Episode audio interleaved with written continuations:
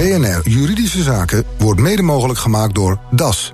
Met DAS kom je verder. BNR Nieuwsradio. BNR Juridische Zaken. Paul van Liemt. Sinds deze week is Leonard Verheij oud-president van gerechtshof Den Haag. Is hij in een gat gevallen en hij maakt zich ook sterk voor open rechtspraak en diversiteit. Onder de rechters kan hij met een gerust hart met pensioen. Leonard Verheij, welkom. Goedemiddag. Ja, ik begin natuurlijk met uh, het uh, beruchte zwarte gat. Hè, want ja, als je een prachtige baan hebt zoals u en uh, dan opeens niet meer, dan val je normaal gesproken een zwart gat. Nou, dit is de eerste werkdag waarop ik met pensioen ben en ik ben alweer bij u, dus uh, het valt mee met het zwarte gat. Stevige dag inderdaad, ja. dat is uh, waar ja. Nee, maar uh, heeft u, daar heeft u lang over nagedacht. En sommigen denken dan ik zou het liefst tot mijn tachtigste, negentigste doorgaan. Maar u behoort geloof ik tot een andere categorie. Ja, ik heb er zelf voor gekozen om daar nu een punt achter te zetten. Dat wil zeggen, ik word nog wel raadsheer plaatsvervanger, dus ik ga af en toe nog zittingen doen. Oude kennis en ervaring toch ook weer gebruiken en, en opfrissen. Maar ik vond het ook wel weer tijd worden om uh, met het bestuurlijke in de rechtspraak, dat heb ik 22 jaar gedaan, om ja. daar nu langzamerhand mee te stoppen. Denkt u zelfs van, uh, heeft u thuis wel eens gezegd, het is mooi geweest, ik heb er geen zin meer in? Uh, ik zeg niet, ik heb er geen zin meer in, maar ik heb wel gezegd, het is mooi geweest. En dat laatste, dat, uh, dat geeft dus aan dat ik het buitengewoon naar mijn zin heb gehad. Nou, maar, maar dat er ook een moment komt... De heldere taal, daar houdt u van. Dan zou je bijna zeggen, dit is toch heldere taal... om dan dit niet op één lijn te zetten. Als je er geen zin meer in hebt, dan, dan nee, zeg je ook vaak... Als je er geen zin meer in hebt, dan is dat misschien... omdat het op het laatst niet zo mooi was. Bij mij was het wel heel mooi. En, uh, maar ik vind ook wel dat je op een gegeven moment moet zeggen... Uh, het is mooi geweest, het is genoeg geweest. nu gaan anderen het doen. U zegt dat u plaatsvervangend nog bent. Dat betekent uh, dat je dat eens in het half jaar doet, of eens in drie maanden? Of kan dat een hogere frequentie hebben? Het kan een hogere frequentie hebben. Dat hangt ook wel een beetje van jezelf af, hoe vaak je beschikbaar bent en wilt zijn. En ik heb daar nu nog geen uh, harde afspraken over gemaakt. Ik ga de eerste tijd een beetje rustig aan doen, een soort sabbatical houden. En dan van lieverlee ga ik op een gegeven moment wel weer wat vaker zitten. Maar ben ik nog een beetje nieuwsgierig. Uh, wat is een sabbatical in uw geval? Dat is in, in, mijn geval betekent dat dat ik in ieder geval geen nieuwe uh, verplichtingen op mij neem. Dat ik een poosje wat ga studeren. En gewoon leuke dingen doen waar mijn vrouw en ik de laatste ja. tijd niet aan toe kwamen. Mijn vrouw gaat over twee maanden ook met pensioen. Oh, dus, en wat uh, deed uw vrouw? Die zit in de verpleging. Hey. En dat heeft ze dan 47 jaar gedaan. Dus daar uh, kan ik mijn petje voor afnemen, want zover kom ik niet. En maar het is dezelfde, een dezelfde geruste blik in de ogen als u, want u Zeker. verheugt zich echt op deze periode Zeker. zo te zien. Zeker, wij verheugen ons samen op deze periode. Communicatie en diversiteit, dat zijn belangrijke thema's. Daar heeft u vaak over gesproken. Dat betekent ook duidelijkheid en dat zie je op alle vlakken. Zeker als het juridische zaken betreft. En daarom is het wel goed om dat in dit programma eens even te bespreken. Want het geldt voor advocaten, geldt voor notarissen. Rechters ook, vaak verhullende uitspraken. Verhullende taal ook. Is het u gelukt, ervoor gevochten, is het u gelukt, denkt u... om die taal op een hoger en beter en helderder plan te brengen? Ja, dat is natuurlijk niet alleen een actie van mij, maar ik vind inderdaad dat het de laatste tijd beter gaat in de rechtspraak. Ik heb uh, bij mijn afscheid heb ik daar uh, een toespraak over gehouden en gezegd: wij doen het wat mij betreft echt duidelijk beter dan vijf jaar geleden, bijvoorbeeld. En we zien dat ook aan het feit dat er minder incidenten, minder onbegrip is over uitspraken. Veel vaker merk je ook dat journalisten veel sneller zeggen: ik snap nu wat hier uh, de portée van de uitspraak is, wat, wat het kernpunt is, en dat ze in staat zijn om dat ook aan uh, de krantenlezer en de televisiekijker en de internet. Maar zegt u nou, journalisten zijn eigenlijk die waren niet slim genoeg daarvoor om het te begrijpen? Nee, ik zeg dat niet over de journalisten. Ik zeg het over onszelf. Dat wij in het verleden de neiging hadden om bijvoorbeeld oud taalgebruik te hanteren. Ja. Veel ingewikkelde begrippen. Dat is soms juridisch overigens nodig.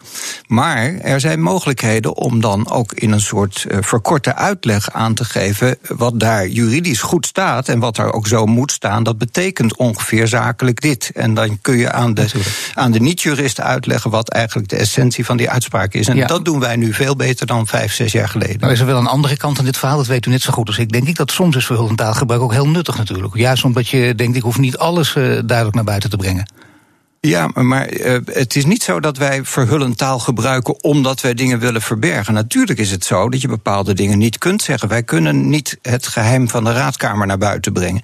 Maar wij kunnen wel uh, het resultaat van het gesprek in de raadkamer in een heldere uitspraak uh, naar buiten brengen. Dat is onze taak en dat is onze opdracht. U twittert ook, de twitterende rechter. Betekent het dat u ook blijft twitteren? Ik denk het wel. Ik uh, ga dat nog een beetje aanzien. Uh, hoe vaak zal ik dat nou nog uh, aantrekkelijk en nodig en nuttig vinden? Maar ik denk dat ik dat ga doen. En ik heb mijn profiel inmiddels veranderd. Er staat nu dat ik oud-president ben. En dat ja. ik voormalig voorzitter van de Landelijke Selectiecommissie ben. en er staat ook in nu, dat ik raadsheer plaatsvervanger ben. Ik kan niet roepen wat ik wil. Zeker niet omdat ik ook raadsheer plaatsvervanger ben. En sowieso zit ik niet zo in elkaar dat ik opeens mijn collega's in de problemen ga brengen met allerlei bouwde uitspraken. Nee, gek genoeg dacht ik dat ook al niet, nee. Uh, een Twitterbericht van een rechter, heeft dat ooit geleid tot een wrakingsverzoek? Uh, ik kan het mij niet herinneren. Ik weet wel um, in eh, de Verenigde Staten dat er nogal wat zaken zijn geweest over uh, uh, uitspraken op Twitter en ook verbindingen op Facebook. Bijvoorbeeld bij de samenstelling van een jury.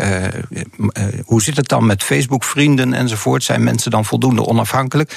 Dat zijn overigens dingen waar wij hier in Nederland ook aandacht voor moeten hebben. Maar ik kan mijzelf niet een voorbeeld herinneren waarin dat heel concreet aanleiding voor een geschil was. Nu is het wel zo dat we in de, in de lange tenentijden leven. Dus je moet heel erg oppassen met wat je doet. Zijn er dan mensen in uw omgeving die zeggen: Leen, dat doe dat nou niet. Eh, dat Twitter, hou er nou toch mee op. Eh, heel in het begin zijn er mensen geweest die dat gezegd hebben. Uh, van Lieverlee is dat steeds minder geworden. Ik heb ook daar in mijn afscheidstoespraak aandacht aan besteed. Ik heb vijf jaar geleden in een interview in de Volkskrant gezegd... naar mijn mening kan het en is het ook een nuttige zaak. En ik heb nu gezegd, vijf jaar later, vind ik dat nog steeds... en sterker nog, de praktijk heeft mij gelijk gegeven. Dat is wat mijn conclusie is op basis van wat er nu gebeurt. Alle gerechten hebben inmiddels een eigen Twitter-account waarin ze uitspraken uh, over het voetlicht brengen, soms uh, vragen beantwoorden over uitspraken. Uh, er zijn individuele rechters die op een hele goede manier het recht dichter bij de mensen brengen. En uh, je moet daarbij voorzichtig zijn, maar dat moet je altijd. Ik moet op een feestje ook voorzichtig zijn met wat ik zeg. En als ik een kranteninterview geef, moet ik ook voorzichtig zijn. En als ik ja. bij u ben, moet ik ook opletten. Bent u nou voorzichtig dan vandaag? Nou, ik ben altijd alert. Oh, uh, dat ja, hoort nee, er gewoon bij. Ja, nou, nee, dat is, uh, dat is niet altijd. Dat, ja, je, je moet niet altijd, altijd scherp, scherp zijn. Ja, je moet altijd scherp zijn. En dat ook in hoort vrije bij tijd, je toch, functie. Ook in je vrije tijd. Want je kunt nooit zeggen: ik uh, zeg nu iets op persoonlijke titel. En dat kan mij dan niet aankleven als rechter. Want, maar dan ja, heb je, soms een uitlaatklep nodig. Hè, dat je je echt flink wil laten gaan. Hebt u dat ook of niet? Ja, dat doe ik gewoon thuis. Ja, en, en nou, misschien is het dan toch een keer tijd om dat één keer dan ook openbaar te maken. Wat voor gekke dingen u dan uithaalt thuis? Nee, ik, ik haal geen gekke dingen uit. Want nee. ik, mijn werk zit ook niet zo in elkaar dat ik uh, de neiging heb nee. om ontzettend uit de band te springen. Nee, en ik ben er weer te beleefd om hier uh, grappige vragen over te stellen. dan, dan, hebben we nog uh, diversiteit. u maakt niet alleen over dat Twitter een punt. U heeft navolging gekregen, maar op het gebied van diversiteit ook. Want u een jaar geleden, bijvoorbeeld in deze uitzending, begon u daarmee. U heeft dat eerder gedaan. En niet zomaar om wat te zeggen, praat je voor de vaak. In uw afzetreden was het ook uw laatste punt. Vaak de punten die het beste blijven hangen. Diversiteit is belangrijk. Maar wat bedoelt u daar dan precies mee? Wat ik daarmee bedoel, dat is dat uh, in de rechtspraak op dit moment uh, te weinig mensen met een, niet-westerse achtergrond als rechter of als juridisch medewerker functioneren. Onze samenleving kent uh, 12% van de bevolking van een niet-westerse achtergrond. En waar het mij om gaat, dat is dat wij ook in onze eigen gelederen mensen hebben die die cultuur begrijpen van binnenuit, die hem van binnenuit kennen en die ook met uh, met gezag ook recht kunnen spreken. Want het gaat er niet om dat het mensen zijn die extra begripvol zijn in de zin van alles dan maar vergoelijken. Het gaat erom dat, mensen, dat het mensen zijn die begrijpen wat er gezegd wordt, die begrijpen wat er in een bepaalde cultuur gebeurt. Dus geen, geen, en die cultureel, met gezag... geen cultureel relativisme. Absoluut niet. Absoluut niet. Maar we hebben daar ook voorbeelden van in onze samenleving van burgemeesters, uh, een voorzitter van de Tweede Kamer enzovoort. Die gaan niet opeens heel anders functioneren dan wij hier in Nederland verwachten dat mensen functioneren. Ze brengen wel een stukje diversiteit in vanuit, vanuit hun eigen cultuur en vanuit hun eigen denkwereld. En wat wij moeten leren in onze ja. samenleving is dat we dat als van toegevoegde waarde zien en dat we deze mensen niet zien als mensen met een achterstand. Maar het is zo'n belangrijk punt voor u dat je bijna zou zeggen: pak dan door. Vorige week was hier uh, Maria van der Schep op de gast, president van, uh, van de rechtbank in Noord-Nederland. En uh, ze is ook voorstander van die diversiteit en ze heeft een vraag voor u met een tandje erbij kijk ik naar. Ik zou eigenlijk vinden dat wij daar misschien met elkaar zouden moeten afspreken dat we naar een quotum gaan. Dat zou ook mijn vraag zijn, alleen het nog wel. Ik wil daar eens op reageren dan nog. Ik vind echt dat wij, dat wij moeten, wij moeten en bewustwording doen, wij moeten en op de agenda houden, maar wij moeten eigenlijk ook gewoon misschien harde afspraken maken. Dus als je het dan zo serieus neemt, uh, zet dan meteen een quotum neer. Een quotum kan alleen maar als je voldoende aanbod hebt. Voordat mensen geselecteerd worden, moeten er al voldoende geschikte mensen in de rij staan. Die zijn er niet. Uh, die zijn er op dit moment niet. En uh, dat heeft niet te maken met het feit dat die mensen er niet zijn, maar dat ze op dit moment nog niet solliciteren. Dus dan gaat het om werving en dan gaat het om arbeidsmarktcommunicatie. Uh, een quotum heeft ook alleen maar zin als aan de achterkant, als wij de mensen eenmaal in onze organisatie hebben, zij ook zo functioneren dat ze blijven. Wat je ziet in verschillende beroepsgroepen, niet alleen in de rechtspraak, maar bijvoorbeeld ook in de journalistiek, las ik in het weekend nog weer. Daar zie je dat mensen op een gegeven moment weer afhaken. Dus dan heb je ze door de selectie heen, dan heb je ze binnengehaald en op een gegeven moment haken ze toch weer af. Ja, dan kom je er dus met een quotum niet. Toch kwam u zelf ook eh, tot een quotum, eh, namelijk in de uitzending vorig jaar hier bij ons. Luister maar even. Kijk vooral naar de interne cultuur, de wijze waarop je diversiteit in je organisatie ook werkelijk ruimte en een plaats geeft. En nou, daar hebben we kennelijk met z'n allen nog wel uh, huiswerk te doen. Daar zijn we ook heel bewust mee bezig. En u vroeg aan mij, vindt u dat het een afspiegeling moet worden? Nou, niet in de zin dat het per se Die 12 procent moet worden, maar ik vind wel dat we op dat punt nog stappen te zetten hebben. Vijf is te laag. Ja, vind ik wel. Ja, ik hoorde weer zo'n eh, vervelende man eh, tussendoor praten. U hoort hem ook weer. Maar dan kwam u wel uit boven 5%. Noemde u in ieder geval dat is te laag. Dat is in ieder geval het enige wat u dan wel wil aangeven. Ja, eh, als je een quotum noemt, dus een gefixeerd bedrag... dan weet je van tevoren, dat gaan we dan waarschijnlijk niet halen. Dan uh, hebben we daar een hele onvruchtbare discussie over. Ja. Mij gaat het echt om de richting. Mij gaat het om bewustwording. En mij gaat het om het werkelijk zoeken van openingen. Hoe doen wij dat? En uit steeds meer literatuur, uit steeds meer onderzoek... blijkt dat dat vooral met cultuur te maken heeft onderling... Met elkaar leren verstaan, met elkaar in gesprek zijn. elkaar leren verstaan, is, er komt nog iets anders bij kijken. Namelijk, moet ik even de Engelse term gebruiken, namelijk streetwise. Zijn rechters streetwise genoeg? Die vraag wordt ook al eens gesteld. En hoe antwoordt u daarop? Ja, de meeste rechters zijn dat absoluut. Uh, er wordt ook wel eens, nou? Er wordt ook wel eens gezegd, uh, er zijn weinig mensen die zoveel van alle onderdelen van de samenleving op hun bordje krijgen als rechters. Uh, u zou de dossiers zo eens moeten doornemen wat wij langs krijgen. Nee, dank u dus wel. je wordt echt wel streetwise, maar dat wil nog niet zeggen dat je in de persoonlijke contacten bijvoorbeeld niet ook uh, met bepaalde vooroordelen kunt zitten. Ja. Soms ben je je daar helemaal niet van bewust. En waar ik ook voor pleit, dat is dat mensen die uh, uit die andere culturen die daar nu nog tegenaan lopen, dat die daar niet voor weglopen, maar dat ze dat bespreekbaar maken. Dat wij het te horen krijgen, dat je daar met elkaar over in gesprek bent en daarvan leert. En ik ben ervan overtuigd daar zijn natuurlijk ook al wel voorbeelden van. Wij hebben daar afgelopen jaren zelf ook een heel aantal binnen de rechtspraak wel degelijk binnengehaald. Ik ben ervan overtuigd dat je, als je dat met elkaar goed doet, als je dat gesprek goed aangaat, goed feedback aan elkaar geeft, zoals dat dan heet, dat wij daar stappen in gaan zetten. En om die richting gaat het mij.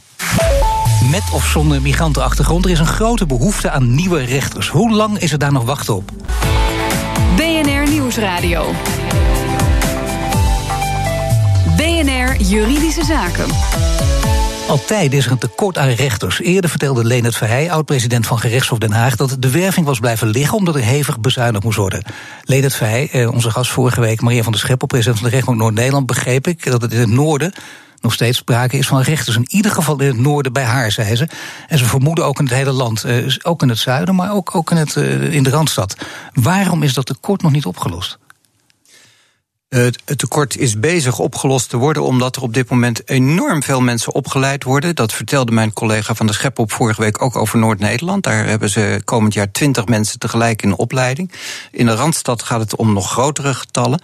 Uh, de, onze opleidings capaciteit die kraakt in zijn voegen op het moment. En dat betekent dat we op termijn echt veel meer nieuwe rechters erbij krijgen. Maar dat is een beetje op termijn, want jongere rechters moeten vier jaar opgeleid worden. En mensen met meer ervaring vaak toch anderhalf tot twee jaar. Dus er gaat tijd overheen. maar we zijn wat dat betreft beslist op de goede weg. Maar dat in de tussentijd, uh, ja, je wil geen, uh, geen boeven wakker maken natuurlijk. Maar in de tussentijd uh, zullen bepaalde zaken blijven liggen. Op welk gebied ben je iets rustiger dan als rechter? Nou ja, de gerechten proberen enorm te voorkomen dat er zaken blijven liggen. Dat lukt natuurlijk niet helemaal. Wat je ziet, dat is dat de doorlooptijden dus ietsje aan het oplopen zijn op een aantal gebieden, terwijl ze eigenlijk nog zouden moeten teruglopen. Want wij vinden met elkaar dat de doorlooptijden in zijn algemeenheid nog te lang zijn. Maar ik zal een voorbeeld noemen. Als je van een strafzaak wilt dat die in ongeveer acht maanden tot een oplossing komt, en uh, gemiddeld uh, zitten we nu op tien en een halve maand bijvoorbeeld, dan vinden wij dat te lang. En als het aan het oplopen is richting 12 maanden, doordat we nog steeds tekort hebben, dan gaan we dus de verkeerde beweging maken. Dus met name in zaken met echtscheidingen waar kinderen bij betrokken zijn en, en echt een, een, snelheid gewenst is, Absoluut. daar moet je af en toe wachten. Da, ja, daar moeten we eigenlijk proberen niet te wachten. Dus wat wordt daar gedaan? Daar wordt enorm hard gebikkeld om die mensen toch op tijd uh, binnen of uh, aan het woord te laten.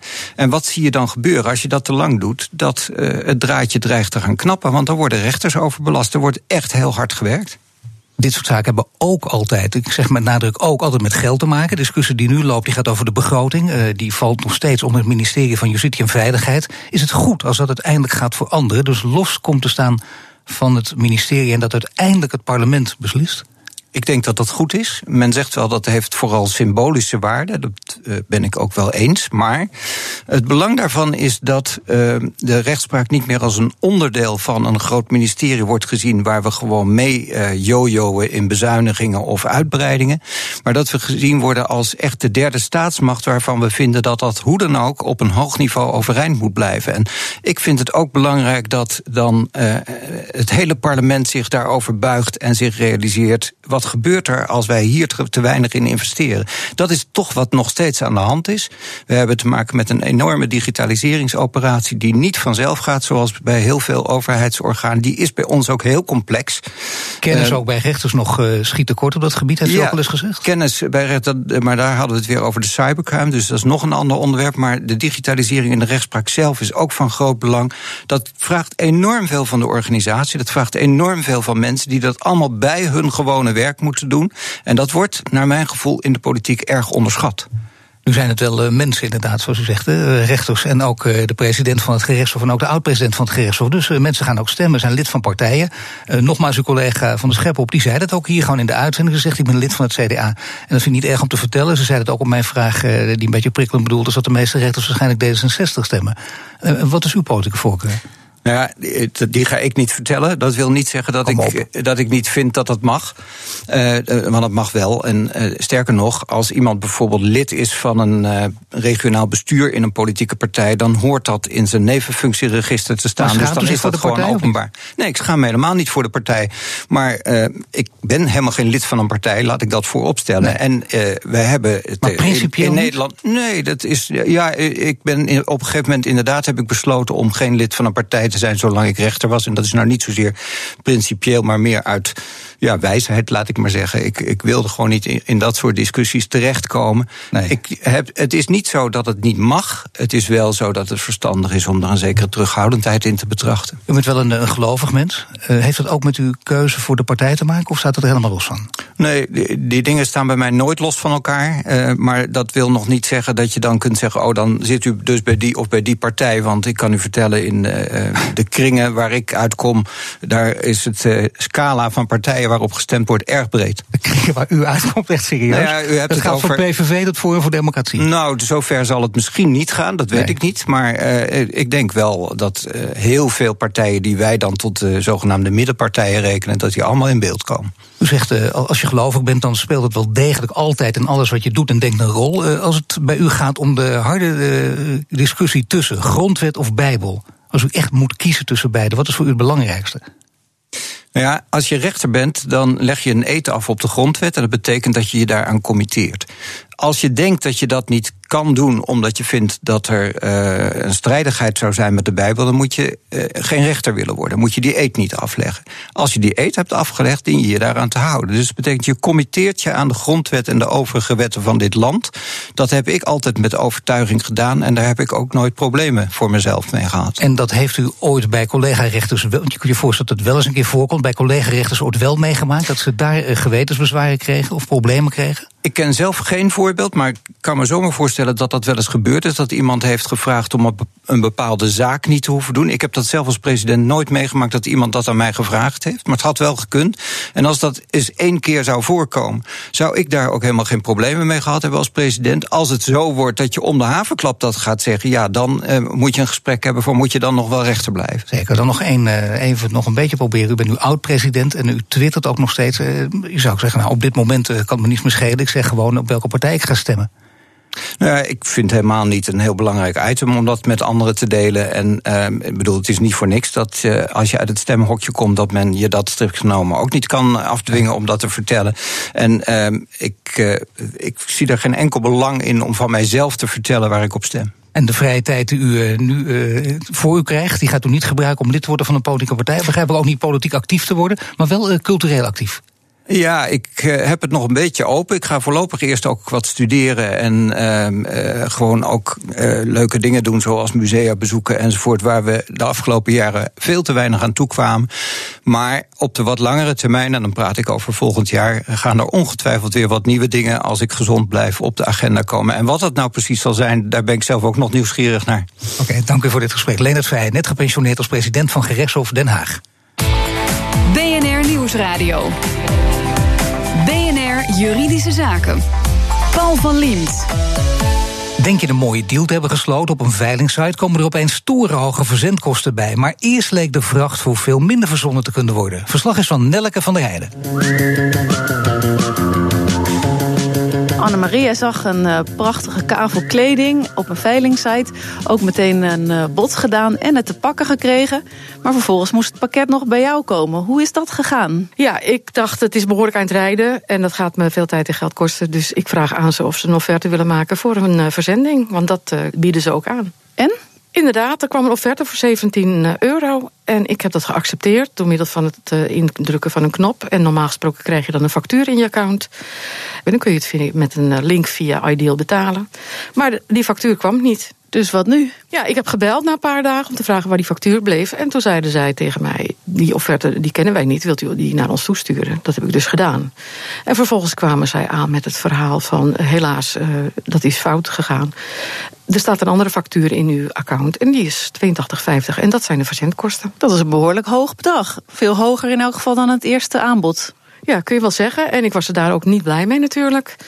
Dus ik uh, heb dat ook aangegeven en gezegd van... ja, ik heb jullie aanbod geaccepteerd voor 17 euro. En ik wil graag dat jullie dat aanbod gestand doen. Maar zij gaven toen aan dat, aangezien ik die 17 euro niet betaald had, dat ik dus dat aanbod niet zou hebben geaccepteerd. En toen heb ik gezegd van ja, maar ik krijg van jullie ook geen link. Dus ik kan dat ook niet betalen. Maar goed, daarna dacht ik, weet je wat, ik kijk welke rekeningnummer ze hebben. En dan betaal ik het gewoon rechtstreeks aan. Dus ik heb die 17 euro overgemaakt. En hoopte dat ik daarmee inderdaad eindelijk uit de padstelling vandaan zou zijn gekomen. Maar nee, het pakket is nog steeds niet bij jou. Nee, ik kreeg mijn 17 euro weer terug. En een vermelding dat ik contact op mocht nemen met de webwinkel. En dat heb ik nog niet gedaan. Want ik wil graag weten van wat kan ik tegen ze zeggen. Marnix van den Berg van Hukker Advocaten. Wat kan Annemarie nou tegen deze andere partij zeggen? Nou, ze krijgt te horen van de webshop dat de afspraak niet is gemaakt omdat zij het bedrag nog niet betaald heeft. Maar ik denk niet dat dat juist is. De afspraak die komt uh, tot stand door aanbod en aanvaarding. Het aanbod dat heeft ze gekregen doordat ze een e-mail heeft uh, ontvangen met het bedrag erin. En de aanvaarding is geweest dat zij op een knop heeft gedrukt waarop stond: Ik ga akkoord. En daarmee is de afspraak gemaakt. En het feit dat ze vervolgens nog niet betaald heeft, heeft eigenlijk geen gevolgen. Nee, dus ze staat eigenlijk volkomen in haar recht. Hoe kan ze het nou het beste aanpakken om die veilingsite te overtuigen dat het voor 17 euro opgestuurd moet worden? Nou, ik zou in eerste instantie uh, nog maar een aantal keer aandringen, nog een keertje bellen, nog een keer een e-mail sturen, totdat je eindelijk uh, je gelijk krijgt. En mochten ze niet willen meewerken, ja, dan kun je kijken of je nog ergens een slechte review of iets dergelijks kan achterlaten. Maar als ze dus die brief of uh, dat telefoontje pleegt, zijn er bepaalde juridische termen die haar een beetje kunnen helpen om uh, de andere partij te overtuigen? Ja, juridisch gaat het om aanbod en aanvaarding. Zo kom je in Nederland tot een, uh, tot een afspraak. Dus als ze dat gewoon even duidelijk tegen deze andere partij zegt, dan, ja, dan moeten ze eigenlijk overstag gaan. Ja, ik zou zeggen van wel.